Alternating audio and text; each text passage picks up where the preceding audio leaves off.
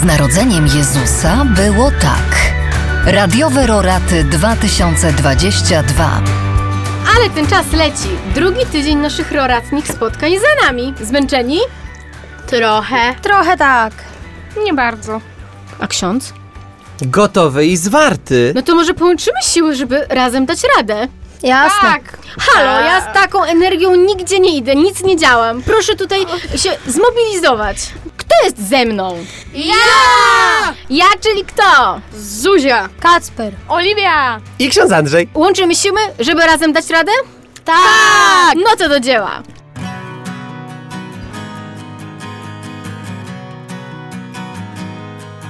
Z narodzeniem Jezusa było tak. Na początku Bóg dał cały raj, ale potem coś wydarzyło się i naprawdę zaczęło dziać się źle. Posmutniała mojego brata twarz Wielka woda zalała cały świat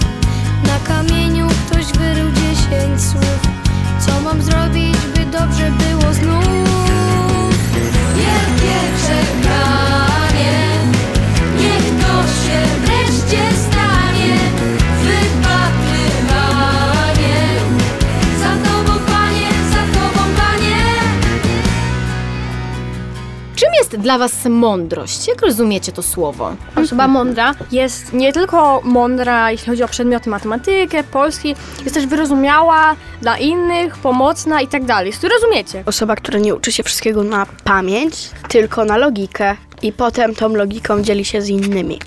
Albo mądry musi być też ktoś, kto na pewno zasiada w sądzie i kto jest głównym rozprawcą wszystkich y, spraw sądowych. Dla mnie człowiek mądry to tak samo jak Oliwia mówiła, że to nie jest po prostu osoba, która tylko się uczy i po prostu y, non stop siedzi nad książkami różnymi po prostu, tylko to jest taka osoba, która rozumie niektóre rzeczy.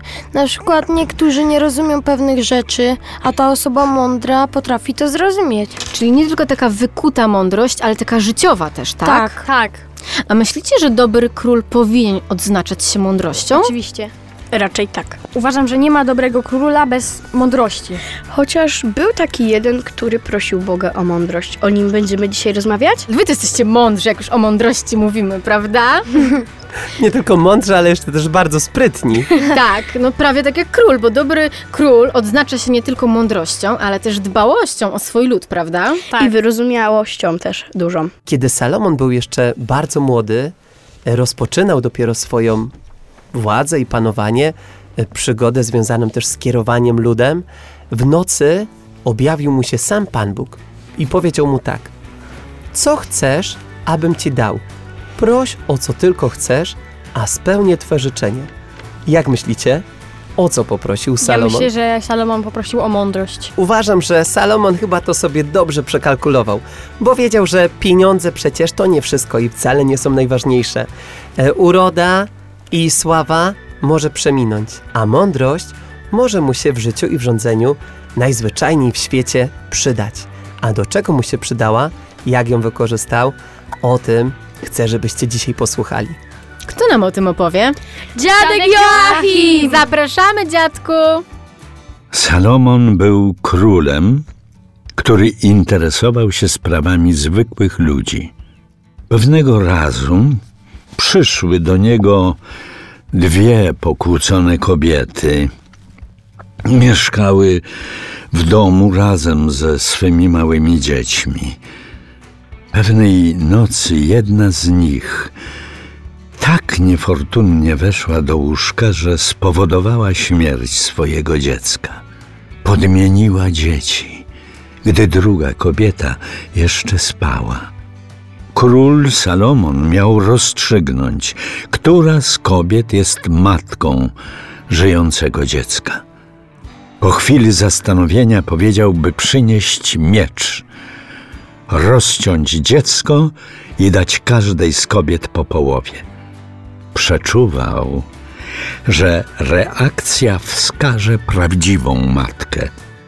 Gdy jedna z nich zawołała: Litości, panie mój, niech dadzą jej żywe dziecko, abyście tylko go nie zabijali. Król rozpoznał, że matką jest ta, która chciała ocalić syna. Wydał właściwy wyrok i oddał dziecko matce. Myślicie, że to była łatwa decyzja? Myślę, że nie. Nie. Raczej nie. Ja bym się bardzo zdziwił, ja bym był bardzo i to bardzo zaskoczony, żeby przekroić dziecko na pół i dać połowę jednej matce i połowę drugiej. Przecież to jest takie, nie da sobie, nie da się aż tego wyobrazić sobie. Wiecie, Salomon kierował się zarówno rozumem, bo tutaj wymyślił sobie logicznie, że ta, która będzie płakać i będzie chciała ocalić życie, no to będzie matka tego dziecka. Ale działał także sercem, no, które było bardzo blisko Pana Boga. On był bardzo rozmodlony i także ku chwale Pana pozostawił po sobie pewne miejsce, prawda? Tak, król Dawid miał jedno życzenie, którego nie udało mu się zrealizować za swojego życia, dlatego że nie pozwolił mu na to Pan Bóg. Bardzo chciał wybudować Bogu świątynię, ale niestety na rękach miał za dużo krwi. I to marzenie spełnił właśnie Salomon. Wybudował przepiękną, przewspaniałą, przecudowną świątynię, której złożono Arkę Przymierza. Co takiego kryło się w Arce Przymierza? To były przekazania. Tak, tablice z dziesięciorgiem przykazań. Pamiętacie, kto dostał od Boga? Mojżesz. Mojżesz. Oprócz Arki Przymierza w świątyni znajdowało się jeszcze naczynie z manną i laską Aarona. Na jej pokrywie znajdowały się dwa anioły, cheruby, takie, które miały skrzydła skierowane do środka. W świątyni stał złoty ołtarz, złoty stół, złote świeczniki i wiele, wiele innych cennych przedmiotów. Po siedmiu latach Salomon zwołał cały lud, żeby dokonać uroczystego poświęcenia świątyni. Złożono ofiary, wniesiono arkę i chwała Boża wypełniła całą świątynię.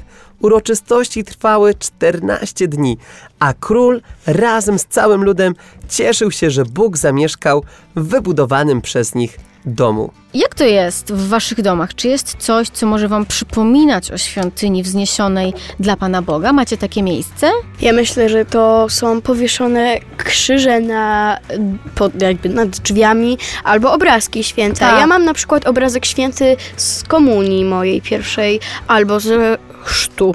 Są też takie na przykład w Małym Gościu Niedzielnym są też obrazki takie czasami dołączane jak na przykład te obrazki wsadzimy pomiędzy Biblię i czasami jak są zadania domowe z religii, to może nie tylko jak są, ale ogólnie jak sobie zajrzymy do tej Biblii, to myślę, że te obrazki też mogą e, to symbolizować. Też mam obrazek z mojej komunii. A ty, Kacper? Ja mam na przykład, dostałem raz od babci właśnie, e, w ramce dostałem zdjęcie e, Maryi i, i Jezusa. O czym nam mogą przypominać takie symbole? Do czego nas zachęcać? Do modlitwy, bo na przykład jeżeli y, uklękniemy i przeżegnamy się, to zazwyczaj w stronę krzyża albo obrazka świętego. Przynajmniej u mnie w domu tak było. Czyli nawet nie musimy być w kościele, ale właśnie w naszym domu, żeby móc się modlić, żeby pamiętać o Bogu, prawda? Tak, to jest prawda. Wiecie, ta historia tego Salomona, ona nie ma szczęśliwego zakończenia, bo on w pewnym momencie zboczył Zboczył. z dobrej drogi, dokładnie. Miał wiele żon, zaczął budować ołtarze dla bożków, no i nie wytrwał w mądrości i wierności Bogu. Dlatego tak ważne są te wszystkie symbole, dlatego tak ważne jest, żeby pójść co niedzielę do kościoła, o czym ostatnio rozmawialiśmy, żeby wytrwać cały czas w tej wierności Panu Bogu. To co? Dzisiaj piątek, zbieramy siły przez weekend i widzimy się w poniedziałek? Tak. Tak. To co? Do zobaczenia! Do zobaczenia. Pa! Cześć!